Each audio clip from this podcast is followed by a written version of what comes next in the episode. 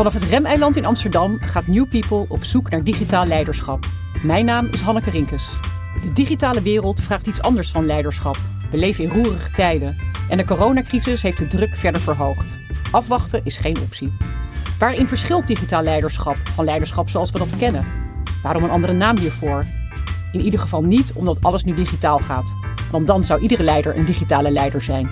In de reis van New People op zoek naar digitaal leiderschap spreek ik vandaag met Martijn van Dam. Martijn is sinds 2017 lid van de Raad van Bestuur van NPO en verantwoordelijk voor de portefeuille Technologie en Innovatie.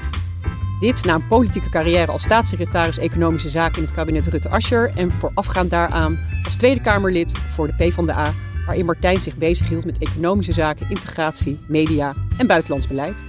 Welkom Martijn. Ja, dankjewel. Heel fijn dat jij hier bij ons vandaag uh, wil zijn. Nou, superleuk om hier te zijn. Een, een, gave plek, een historische plek voor, uh, voor iemand die in de media werkt. Absoluut, ja. ja. Geboorteplek van de Tros, hè? Uh, uiteindelijk wordt de Tros voortgekomen daaruit. Toch historisch, ja, grond kun je niet echt zeggen, maar ik kan zeggen historische grond. Ja, en de cirkel is rond ook, dat jij hier nu zit.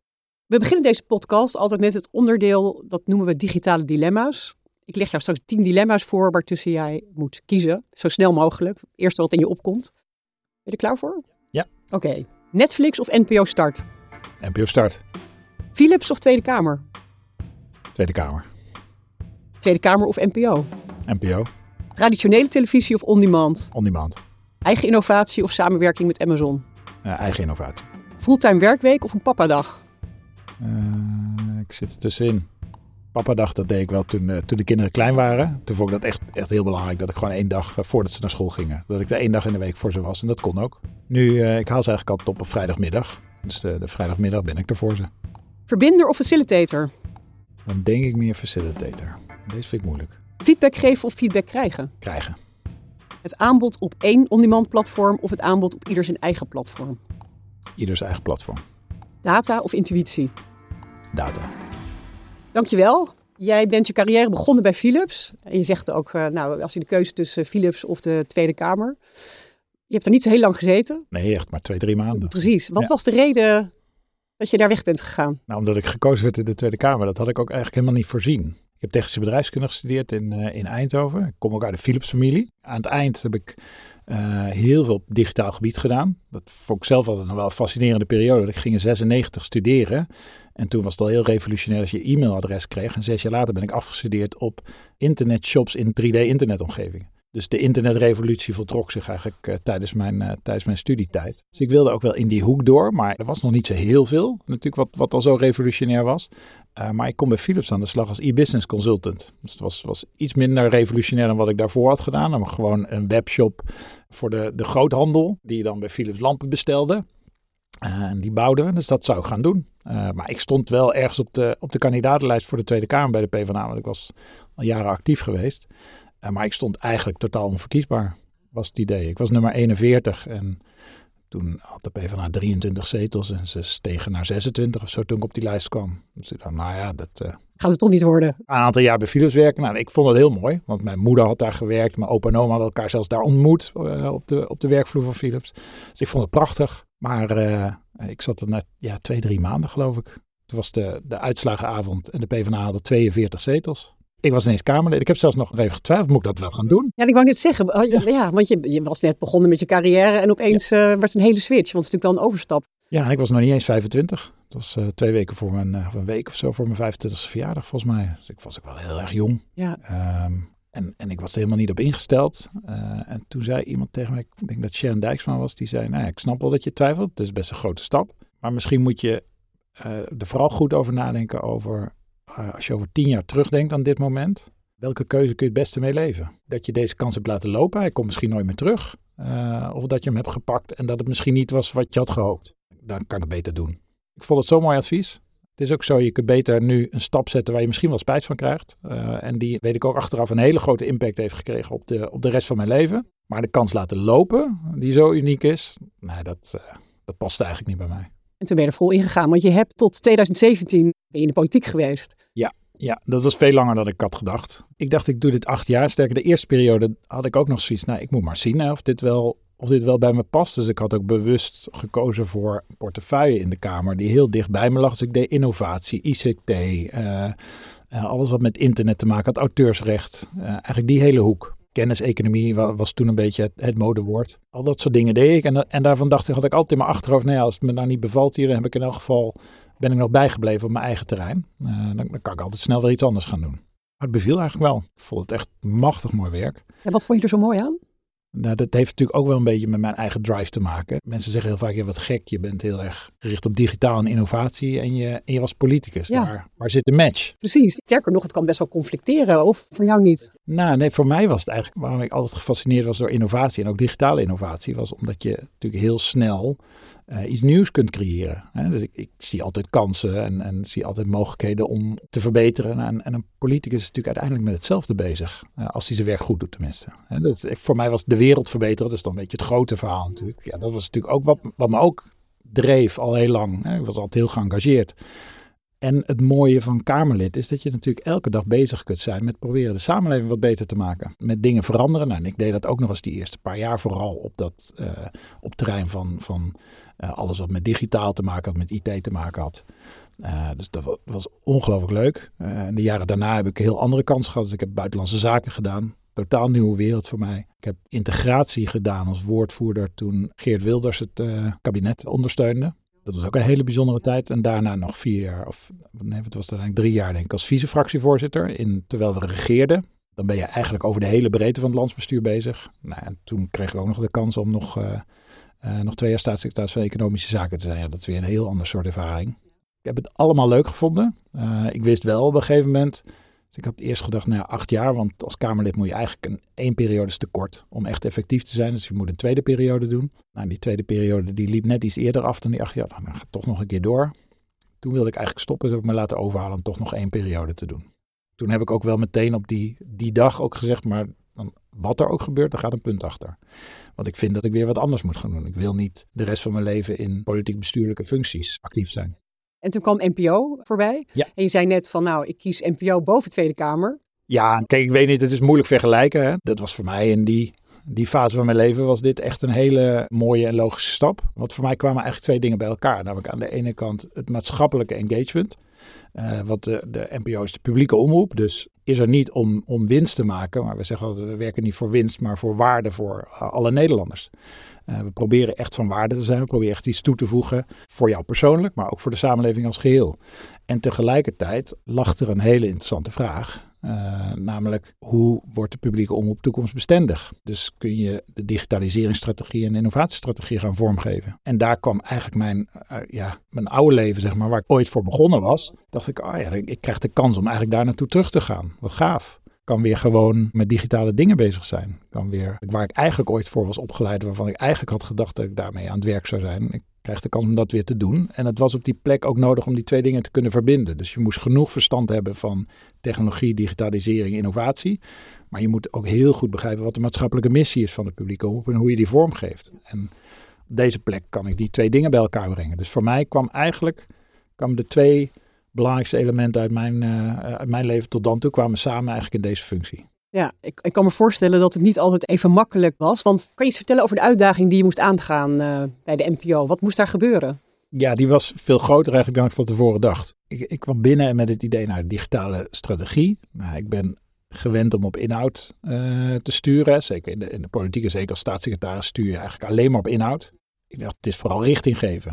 Ik had na een tijdje, of een korte tijd eigenlijk al wel gezien, nou de organisatie is daar nog helemaal niet toe in staat om een echte dat digitale strategie neer te zetten. Uh, er moet echt een heleboel nog gebeuren voordat we zover zijn. En daar zat nog een complicatie bij, was dat een nieuwe NPO Start, en dat is eigenlijk het belangrijkste uh, digitale platform wat de publieke omroep heeft, dat was net gebouwd, uh, was net opgeleverd. Zat vast in contracten bij externe leveranciers. En de publieke omroep is ook niet zo dat die zomaar het ene contract voor het andere kan inwisselen. Want alles, alles moet worden aanbesteed, volgens de aanbestedingswet. Dus je zit ook nog eens vast. Dus er was weinig flexibiliteit. En eigenlijk was vanaf de start al duidelijk dat het product niet helemaal kon wat we graag wilden. Of wat ik graag wilde. Maar goed, we hebben eigenlijk nog een tijd geprobeerd. Kunnen we dit dan verder optimaliseren? Daar hebben we uh, eigenlijk stappen in, in moeten zetten. Nou, uiteindelijk ook tot de conclusie gekomen. Dat kan niet met het product zoals het er staat. Dus we zijn dat inmiddels helemaal opnieuw aan het bouwen. Nu bouwen we het zelf, uh, in eigen hand. Twee was, de organisatie was er niet klaar voor. Het was een, vrij traditionele uh, organisatie. Het beroemde, beruchte silo-gedrag, zeg maar. Iedereen zijn eigen koker. Maar ook de technologieorganisatie was Eigenlijk, je moet je voorstellen, een, een, omroep is natuurlijk in zijn historie eigenlijk altijd uh, ja, letterlijk een, een, zender geweest, een, een, uitzender. Dus het was zo, ja, er werd content geselecteerd en gemaakt, programma's gemaakt, die werden geprogrammeerd. En uiteindelijk, oneerbiedig gezegd, ging het over de schutting naar de, naar de technologiemensen. Die moesten gewoon zorgen dat het uitgezonden werd. Geregeld werd, ja. Dat moest gewoon doen. en dat was eigenlijk de enige echt technische vraag. Ja. Terwijl als je een digitale organisatie wil worden, wordt de technologie wordt integraal onderdeel van je strategie. Want je product moet namelijk zelf waarde bieden ook aan, uh, aan de gebruiker. Nou, en daarvoor moet je dus op een heel andere manier met technologie omgaan. Je moet op een andere manier denken. En dus heb je ook een ander soort organisatie nodig. Uh, dus we hadden een, een traditioneel werkende technologieorganisatie. Dan hadden ze al de teams die werkten aan de online producten, die waren daar al uitgehaald. Die zaten uh, apart in andere directies. Maar die moesten wel weer met elkaar samenwerken, terwijl ze op een andere manier werkten. Dus dat, dat ging gewoon niet vloeiend. Het werkte niet goed. Dus we zijn begonnen met die organisatie opnieuw inrichten. Hebben gezegd, dit moet één integrale technologieorganisatie worden. Moet op basis van agile principes gaan werken. Tegen iedereen gezegd, uh, je mag meedoen in deze verandering. Als je het niet wil, treffen we net de regeling, maken we goede afspraken. Maar als je het wel wil, dan gaan we ook met z'n allen ons beste voor doen om te zorgen dat het lukt.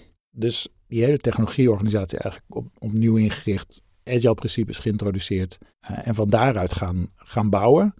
Nou, dat was, al, dat was best een omslag. Want ik zeg bij ons intern altijd, ja, de organisatieverandering, de structuurverandering, die heb ik bij wijze van spreken in 10 seconden gedaan. Dat is een kwestie van mijn handtekening om het besluit te zetten. En is de organisatie veranderd. En vervolgens is het cultuur en werkwijze. Hoe heb je dat gedaan? Want dat lijkt me echt een uh, zware klus. Daar ben je als, als bestuur natuurlijk ook wel sterk afhankelijk ook van de mensen die daarop zitten heb ik wel geleerd, je hebt er echt een goede mensen voor nodig die zo'n transitie kunnen doen. En dat is zo'n vak apart. Dat betekent echt dat je je goed moet realiseren. Je werkt met een groep mensen waarvan een deel is gewend en soms al twintig jaar gewend om op een heel andere manier te werken. Dus mensen moeten een andere manier van werken leren, een andere manier van afstemmen met elkaar, een ander soort cultuur. Dus we zijn ook, daar hoort ook een veel openere cultuur bij. Een cultuur waarin je elkaar feedback geeft, elkaar ook aanspreekt, goede afspraken maakt. Je moet echt alles veranderen. Uh, en daar heb je gewoon een paar goede transitiemanagers voor. Dus we hebben ook in het begin ook wel de fout gemaakt om te denken, nou dit kunnen we wel zelf. We hebben daar na een tijdje toch wel een paar externe mensen bijgehaald ook. Uiteindelijk een interim manager heeft echt geholpen om het weer helemaal goed op orde te brengen, zodat ook die organisatie echt goed ging draaien. Nou, daar staan we, uh, daar staan we nu. We zijn begonnen met een nieuwe directeur, nieuwe directie en vanuit daar we zijn nu eigenlijk druk bezig met het opbouwen van een hele nieuwe poot in de organisatie, namelijk echt de ontwikkelorganisatie. De NPO wordt steeds meer een IT-organisatie, want het is nu al zo dat de meeste mensen werken al binnen directie technologie en operaties. En dat wordt alleen maar meer, omdat we steeds meer developers aan het aannemen zijn. We zijn development teams aan het opbouwen die onze eigen producten bouwen. Dus we hebben één heel groot product, NPO Start. Dat zijn we op dit moment helemaal aan het ontwikkelen. Uh, dat hopen we dit jaar hopen we te migreren van het oude NPO Start naar het nieuwe. Dan hebben we NPO Luister vorig jaar gelanceerd. Dat is ons audioplatform, Audio On Demand.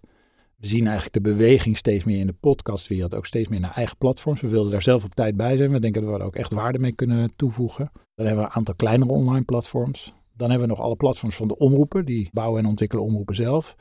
En onze ambitie is om eigenlijk een, steeds meer datagedreven organisatie te zijn, waarbij de gebruiker centraal staat.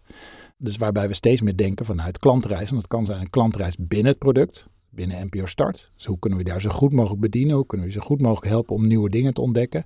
En onze belofte is steeds, ja, we, we hebben ook hele mooie series. Uh, maar we zijn er niet alleen maar voor de ontspanning. We proberen je ook aangesloten te houden bij alles wat er in de wereld gebeurt. We proberen die koppeling steeds te maken uh, tussen informatie en ontspanning.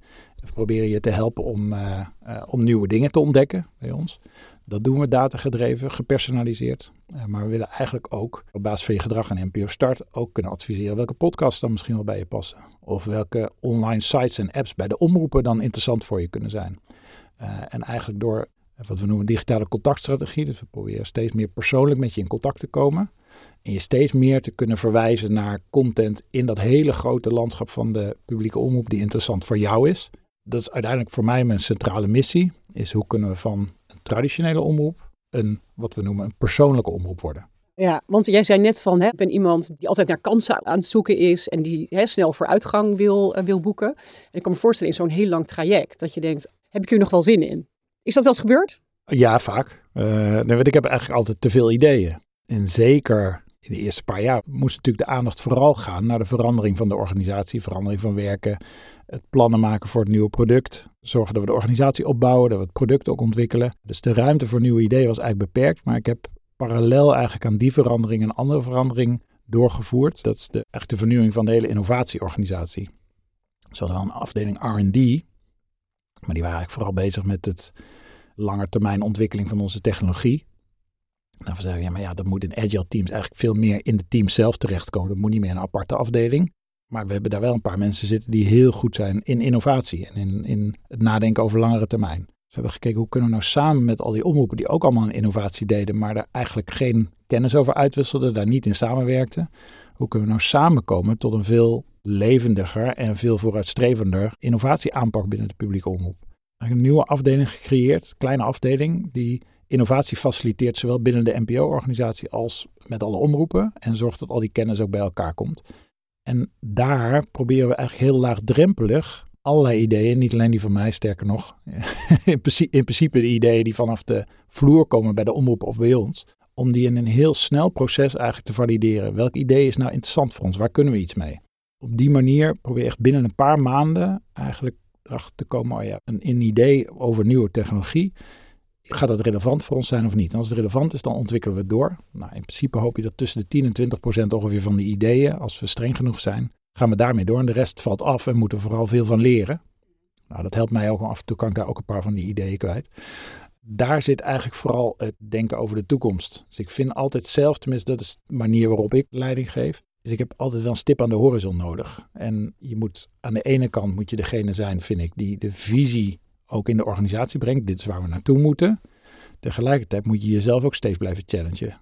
Is de wereld niet al veranderd? Is mijn visie niet al verouderd? Wat gebeurt er eigenlijk allemaal? Kijk ook om ons heen, denk ik, ja, wat gaat Web3 nou betekenen voor de publiek? Wat gaat, gaan de ideeën over de metaverse, wat gaan die voor consequenties voor ons hebben? Nou, die onderzoeken we ook wel allemaal vanuit onze innovatieafdeling. Op die manier proberen we ook onszelf te blijven scherpen. Probeer ik mezelf ook te blijven scherpen. Om te zorgen dat het verhaal blijft kloppen waar we naartoe, uh, waar we naartoe werken.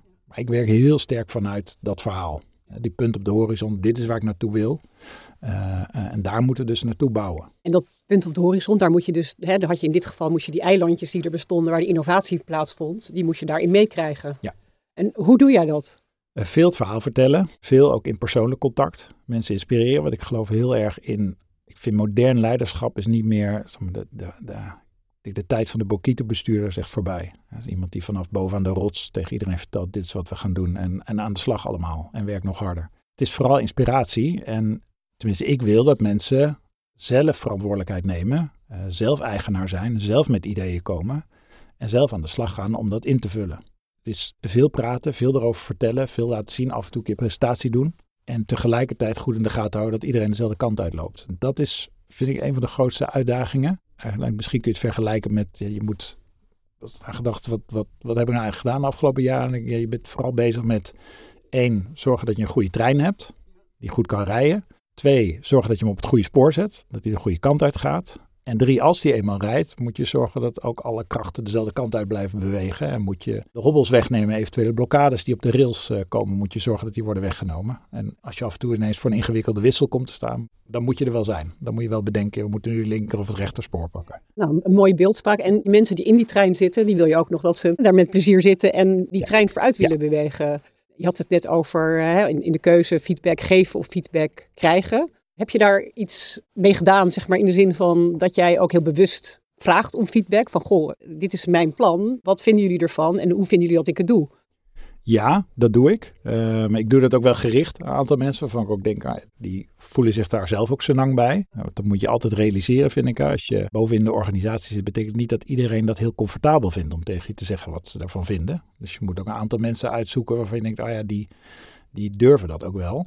Um, en het is ook wel uitstralen. Dus ik zeg tegen iedereen, weet je, ik heb soms een hele sterke opvatting ergens over. Um, maar dat betekent niet dat je daar altijd ja tegen moet zeggen. Liever, als je vindt dat het onzin is, liever dat je het gewoon tegen me zegt. Want ik, ik hou van het open gesprek en van de open discussie. En ik denk ook dat we daar uiteindelijk beter van worden. Dus ik challenge mensen ook wel om gewoon die discussie ook aan te durven gaan. Dat vind ik zelf een, een, een hele belangrijk ook, dat je dat steeds ook laat zien in je organisatie. Ja, wat ik al zei, de tijd dat een bestuurder of een directeur alle wijsheid in pacht heeft, die heeft eigenlijk nooit bestaan. Maar tegenwoordig realiseren we ons dat ook. Dus je moet een ander soort organisatie willen zijn. Maar ook daar hoort bij, cultuurverandering is natuurlijk hetgene wat het traagste gaat. dus als je een organisatie hebt waarbij dat jarenlang anders is geweest, moet je niet denken dat mensen van de ene op de andere dag elkaar allemaal feedback gaan geven. Dat werkt niet zo. Het is het creëren van een veilige omgeving waarin mensen dat ook durven, waarin dat ook normaal gevonden wordt. Ik merk zelf heel erg ook dat het, het feit dat we heel veel nieuwe mensen aan het aannemen zijn, die uit ander soort organisaties komen, uh, die veel meer gewend zijn om zo te werken, dat is eigenlijk de belangrijkste bijdrage aan de cultuurverandering. Want je merkt dat er gewoon een andere cultuur ook binnenkomt daarmee. Ik denk als je de organisatie vandaag vergelijkt met die van vier jaar geleden toen ik binnenkwam, is daar echt een heleboel in, uh, in veranderd. Gewoon omdat de organisatie zelf ook aan het veranderen is. Dus we sturen er ook wel op. We, hebben ook een heel ander HR-beleid geïntroduceerd, wat ook hierbij past. Dus we laten ook mensen steeds meer zichzelf beoordelen in plaats van dat ze van een leidinggevende beoordeling krijgen. Al dat soort facetten, denk dat je die bij veel van de organisaties die in transitie zijn, denk ik dat je dat terugziet. En dan zie je als het goed is ook terug dat je op alle elementen van je organisatie moet veranderen. En dat maakt het meteen ook zo ingewikkeld. Ja, en je zei net van hè, tussen verbinder en facilitator, dan kies ik toch meer voor de facilitator. Je ziet vaak dat organisaties in een bepaalde fase zich bevinden en dat dat iets anders van leiderschap vraagt dan in een andere fase. Toen jij kwam, was de NPO in een bepaalde fase en je hebt de hele stappen gemaakt. Vind jij nu, als je nou in hindsight kijkt, dat het faciliterende, zeg maar, wat jou het meest aanspreekt of waar jij het beste in bent, dat dat al paste bij de situatie waar jij toen binnenkwam? Nee, daar heb ik ook wel in moeten leren. Ja. Kijk, op het moment dat je, dat je vooral eigenlijk uh, werkt vanuit een bepaalde inhoudelijke visie en daar naartoe wil bewegen. Kijk, in een ideale organisatie is de organisatie zelf natuurlijk in staat om dat op te pakken en dat te organiseren. Heel professioneel, heel veel verantwoordelijkheid. Maar als je daar nog niet bent, betekent dus dat je ook wel de goede mensen nodig hebt om dat te organiseren. Zo'n heel transitieproces, die, ik vind het niet het leukste onderdeel. Uh, en dat is het ook niet, want, nou, omdat het best stroperig is. Het kost tijd. Ik ben, ik ben van nature niet heel geduldig. Zo grappig, want je komt uit de politiek. Ik vind dat, en voor mij is dat, vind ik dat best grappig klinken. Dat je zegt van net stroperig. Hè, politiek is natuurlijk ook niet heel snel. Nee, dus dat, dat helpt wel. Dus ja, ik heb wel geleerd daar soms om geduld te hebben. Omdat het soms echt een paar jaar kan kosten voordat je iets voor elkaar kreeg. En dan is het toch een kwestie ook van vasthoudendheid. Maar ik vind ook leiderschap is ook wel je goed realiseren waar je eigen kracht ligt en waar je soms andere mensen voor nodig hebt. En dus ik zei al, zo'n transitieproces, dat is niet alleen mijn ervaring, maar dat hebben we ook als organisatie moeten ervaren, dat we daar ook gewoon hulp bij nodig hadden. Om dat op een goede manier te organiseren. al helemaal als niemand daar ooit eerder ervaring mee heeft opgedaan. dus ik denk dat dat ook wel de kracht is vaak, dat je goed voor jezelf weet van waar ben ik goed in. Uh, waar zijn anderen misschien beter in? Dat is ook, ook in een samenstelling bijvoorbeeld van een raad van bestuur, zoals bij ons. We zijn met z'n drieën essentieel dat je complementair bent aan elkaar. Dat je heel goed van elkaar ook weet waar kan ik elkaars competenties op gebruiken. Is het voor jou makkelijk om te zeggen van hier ben ik gewoon niet zo goed in? Uh, ben, ben er steeds beter in geworden. Ja, ja omdat ik denk dat het ook iets is dat je, je moet ook jezelf leren kennen, in, ook in dit soort, dit soort processen. Uh, waarbij je ook, ook je beter realiseert, ja, dit ligt mij beter, dat ligt me iets minder, dat kan ik beter aan iemand anders overlaten. Dat is volgens mij als ik om me heen kijk, zeg maar, organisaties waar ik, uh, waar, waar, ik af en toe kom, zie ik vaak dat de beste organisatie, is de, het leiderschap daar ook goed toe in staat. Om zich goed te realiseren, dit is wat ik goed kan, daar heb ik andere mensen voor nodig en dat organiseer ik ook en daar zoek ik ze ook op uit. Zo selecteer ik ook de mensen om me heen. Kijk, denk ik ook, nou ja, je moet niet hetzelfde doen als ik. Ja, dat gaat niet goed werken natuurlijk juist die complementariteit van teams is volgens mij is essentieel. En dat we dus ook steeds beter worden. Dan moet je dus ook jezelf, ook vind ik, in challenge. Je moet ook voor jezelf steeds de spiegel voorhouden. Oké, waar, waar ligt nou mijn kracht? Wat, welke toegevoegde waarde lever ik? En uh, wat wij bijvoorbeeld ook doen, we sturen dat hele traject voor NPO Start aan met een, eigenlijk vrij traditioneel, maar met een stuurgroep. Dat klinkt weer heel uh, ouderwets. Klinkt heel ouderwets. Daar krijgen we ook soms commentaar op hè, van onze meest agile medewerkers. Ze zeggen, wat is daar eigenlijk agile aan? Precies, niet veel. zijn, zijn we het ook niet helemaal mee eens, maar het is ook een verandering die zo groot is dat die bijna de hele organisatie omvat. Moet je ook echt zorgen dat de hele organisatie bij elkaar aan tafel zit, ook op het hoogste niveau. Uh, dus we hebben daar bijvoorbeeld ook, ook uh, alle, alle, directeuren die erbij betrokken zijn. Uh, ikzelf vanuit vanuit de raad van bestuur. Van de andere disciplines die hier aan meewerken. En met zo'n groep besturen we dat juist om te voorkomen dat, dat we terugvallen in silo-denken. en dat ligt vrij snel op de loer, want mensen zijn toch gewoon gewend om in hun eigen directie te opereren. en hier moet je echt continu met elkaar schakelen over de grenzen van die directies heen. Dus ik dacht, ja, ik wil voorkomen dat mensen terugvallen zeg maar, in de hiërarchie van hun eigen directie. Ze moeten steeds elkaar blijven opzoeken. En dat betekent dat wij het dus ook in de gezamenlijkheid moeten besturen. Dat gaat over het algemeen heel goed. Dat was ook iets heel nieuws, ook op, ook op ons niveau in de organisatie. We noemen het geen retro, want sommige zeggen dat soort termen nog niet zoveel. Maar het is het in feite wel. Dus we, we houden ook met elkaar onderling een evaluatie. Hoe doen wij het nu? Voegen we voldoende waarde toe ook allemaal aan dit hele traject? En doen we dat gezamenlijk ook? Dat is volgens mij wat je nodig hebt om, om dit tot een goed einde te brengen. Want er komen altijd weer nieuwe hobbels op de weg die, eh, die je niet op tijd had voorzien. Of, uh, of dingen blijken toch weer moeilijker te zijn dan je had gedacht. En dan moet je er wel met elkaar staan. Als je het hebt over jouw leiderschap, heb jij bepaalde inspiratiebronnen of helden of type leiders dat je denkt van, nou weet je, dat is mijn aspiratieniveau? Nee, niet per se individuen. Dus ik lees daar veel over. Om te kijken ook van wat, welk type leiderschap past nou bij het soort organisatie dat ik wil dat we zijn. En hoe kan ik daar zoveel mogelijk van, van leren? Dus ik lees juist over verschillende soorten leiders moet zeggen, het is wel bijna allemaal vanuit bedrijfsleven. Omdat ik vind dat ze daar wel echt op een modernere manier leiderschap vormgeven dan ik vaak bij de overheid tegenkom. En wat is het grootste verschil? Nou, eigenlijk die hele beweging die ik straks zei, hè, minder hiërarchisch, meer faciliterend. Uh, meer nadenken vanuit visie, inhoud, maar veel meer verantwoordelijkheid lager in de organisatie leggen. Uh, dat zie je in het bedrijfsleven heel veel, omdat het bedrijfsleven ook snapt dat je heel snel moet bewegen. Dat kun je simpelweg niet als alles tot bovenaan moet worden afgestemd. Het was ook gewoon ook bij ons de ervaring. Kijk, als ik wil dat producten die wij hebben, onze digitale producten, dat die zo snel mogelijk nieuwe functionaliteiten ontwikkelen, die zorgen voor nog betere ervaring van onze gebruikers, dan wil je dat de verantwoordelijkheid daarvoor gewoon ligt bij de ontwikkelteams die binnen twee weken iets kunnen uitrollen. Uh, die moeten binnen twee weken iets in de App Store kunnen zetten. Nee, dat betekent dus dat je veel verantwoordelijkheid ook moet delegeren naar degene die hem daadwerkelijk moet invullen zeker bij de overheid, en dat heeft ook wel iets met de politieke cultuur te maken van de afgelopen jaren. Kijk, er is zo'n sterke afrekencultuur ontstaan tussen uh, ministers en Tweede Kamer. Ik heb dat zelf twee jaar aan de lijf mogen ervaren, maar het is de afgelopen vijf jaar echt nog veel erger geworden. Kijk, op het moment dat je continu, als er maar ergens iets misgaat in de uitvoering, als Tweede Kamer meteen vooraan staat om een kop te eisen, bij wijze van spreken, en om een schuldige aan te wijzen, dan draag je daarmee bij aan een cultuur waarin mensen natuurlijk ook weinig vertrouwen durven geven. Want als je op alles wordt aangesproken wat er misgaat, en natuurlijk, er gaan echt soms hele vervelende en slechte dingen mis. Toeslagenaffaire is een, is een belangrijk voorbeeld. Daar zeg je soms, was het maar sneller naar boven gekomen. Maar je moet echt wel opletten wat voor cultuur je met elkaar aan het creëren bent. En ik denk dat, dat het risico van de cultuur die bij de overheid gecreëerd wordt, een, een cultuur is waarin eigenlijk de tegenovergestelde beweging is ontstaan. Namelijk dat er steeds meer moet worden afgestemd, steeds minder bewegingsruimte is, mensen steeds minder vertrouwen ervaren om zelf verantwoordelijkheid te nemen. Dat druppelt gewoon door door de hele organisatie heen. Ik zie daar ook niet heel vaak voorbeelden eigenlijk van het tegenovergestelde. Die zie ik toch vaker in het bedrijfsleven.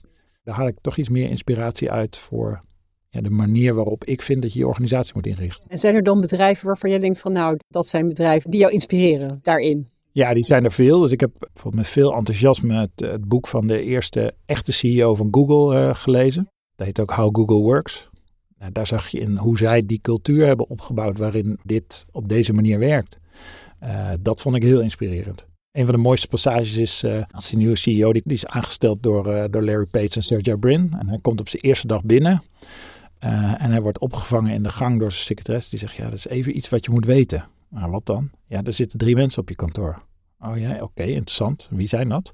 Nee, er zijn gewoon drie medewerkers die zijn op jouw kantoor gaan zitten omdat ze verder geen werkplek konden vinden. En ze zagen een lege kamer. Dus ze hebben gezegd, wij gaan hier zitten. Uh, en hij neemt op dat moment, heeft hij de tegenwoordigheid van geest, terwijl hij daarvoor CEO was geweest in allerlei grote bedrijven, maar hij heeft tegenwoordigheid van geest om te zeggen, nou prima, laat ze maar zitten, ik ga er gewoon bij zitten. Split second heeft hij de cultuur aangevoeld, namelijk niet hiërarchiegevoelig oh, dit is kennelijk het type bedrijf uh, wat, wat Google is. Nou, en ik denk dat die cultuur daar, zoals ze die daar hebben weten te ontwikkelen, een cultuur waarin inderdaad mensen gewoon open met elkaar de discussie aangingen, zijn wij het goede aan het doen. Ik weet niet of het nog zo is, hè? Ik twijfel het soms en zeker als je vanuit Facebook hoor je soms berichten eigenlijk van het tegenovergestelde. Maar ik vond het een heel inspirerend verhaal, omdat je echt laat zien, dit zijn ander soort organisaties dan hoe we het gewend waren. En dat is denk ik de grote les voor digitale organisaties. Het zijn geen traditionele organisaties, dus je moet ze ook niet op de traditionele manier willen besturen. Nee, en de uitdaging daarbij is dat bedrijven die zoals Google zijn begonnen, eBay, Facebook, noem het op, was natuurlijk een hele eigen cultuur, een agile cultuur. Maar naarmate ze groter worden en in die grown-up fase komen, zie je ook dat het moeilijk is om die agile mindset te bewaren. Zelfs in dat soort bedrijven die zo begonnen zijn. Dat blijft interessant natuurlijk. Van hoe kan dat nou? Hoe kan je dat nou echt vasthouden? Want als je groter wordt, ja, dan, dan komt er automatisch bij dat je weer moet afstemmen. En... Ja, ik denk dat toch uiteindelijk is cultuur natuurlijk toch een reflectie ook van hoe je stuurt van bovenaf. Hè? Dus of je doelen helder hebt, maar ook de waarde van waaruit je opereert. Ik denk dat we dat bij Facebook zien. Kijk, je kunt de organisatie natuurlijk hebben waar je veel verantwoordelijkheid uh, lager in de organisatie neerlegt. Maar als daar kennelijk toch het gevoel is dat ze het goed doen op het moment dat ze uh, zonder eigenlijk erg veel moreel besef vooral uit zijn op exploitatie van persoonlijke data, ja, dan krijg je wat je ziet nu. Ik denk dat er toch een cultuur is die vanuit de top is ingegeven. Dat er vanuit de top toch gewoon sterk gestuurd is op exploitatie en weinig gestuurd is op moraliteit. Terwijl op het moment dat je dat juist anders doet, denk als je continu eigenlijk laat zien, dit is waarom wij er zijn, dit zijn de waarden van waaruit we willen opereren. Dus bij ons zal echt niemand het in zijn hoofd halen om onzorgvuldig met privacy van gebruikers om te gaan. Omdat ze weten dat, ik heb van begin af aan gezegd, dat is voor mij één waarde essentieel. Je data zijn bij ons altijd veilig. Wij zijn een publieke organisatie. We exploiteren je data niet. Sterker nog, we beschermen ze bij wijze van spreken met ons leven. Want je moet erop kunnen vertrouwen dat als wij jouw kijkgeschiedenis bijhouden, dat die nooit aan andere handen terecht kan komen. Want alleen dan zul jij ook bereid zijn om tegen ons te zeggen: Oké, hou dat maar bij en geef mij maar advies over wat ik wil kijken. En dat is uiteindelijk hoe wij waarde voor je creëren. We helpen je om nieuwe content te vinden die voor jou relevant is, die voor jou interessant is. En waarom is dat voor ons belangrijk? Daarmee hebben we meer impact. En dat is waar het voor ons om te doen is. En als je dat maar continu uitdraagt, dat is voor onze essentiële waarde, dan gaat de organisatie natuurlijk ook niet bedenken, oh we gaan het toch eens even anders doen.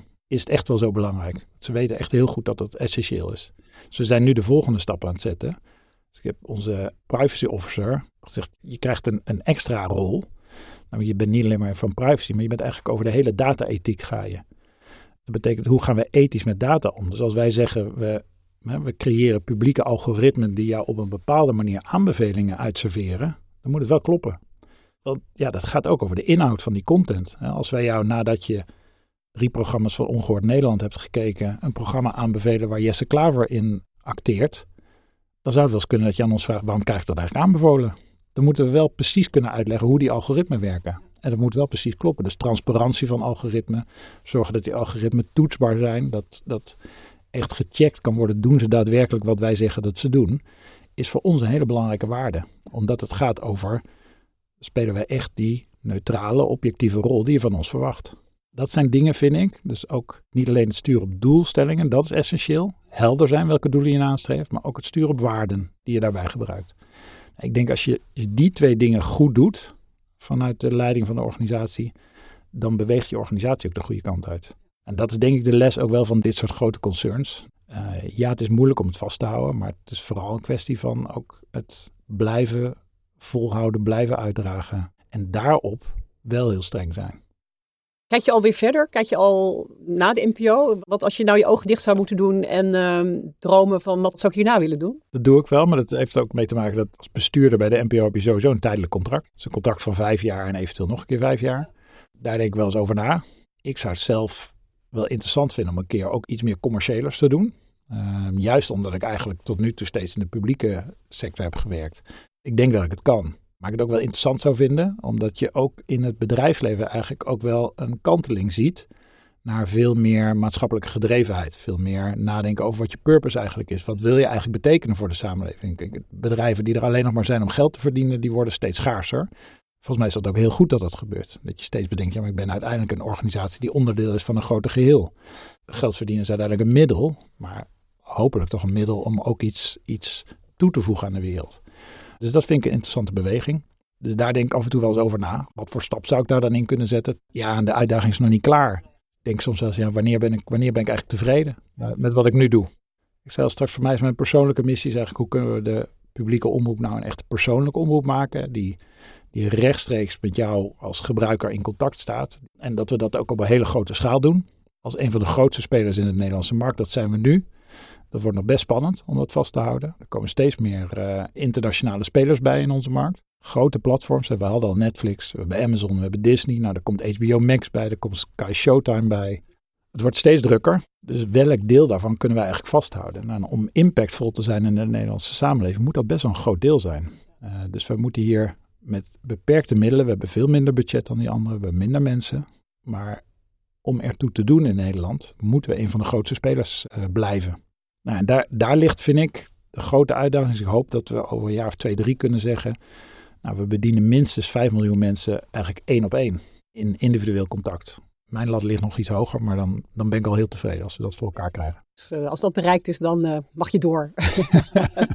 Zou je niet een vuist kunnen maken met de RTL'en van deze wereld? En dan, hè, even net in het dilemma gezegd, alles op één on-demand uh, platform of ieders eigen platform. Dus was je heel, je zei meteen van nee, ieders eigen.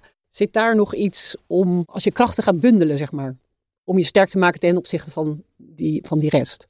Ja, ik denk dat als je kijkt naar de Nederlandse mediabedrijven, en dan heb je, het zijn er eigenlijk, uh, nou, als, als RTL mag fuseren met Talpa, maar dan moet de ACM zich eerst nog maar eens over uitspreken.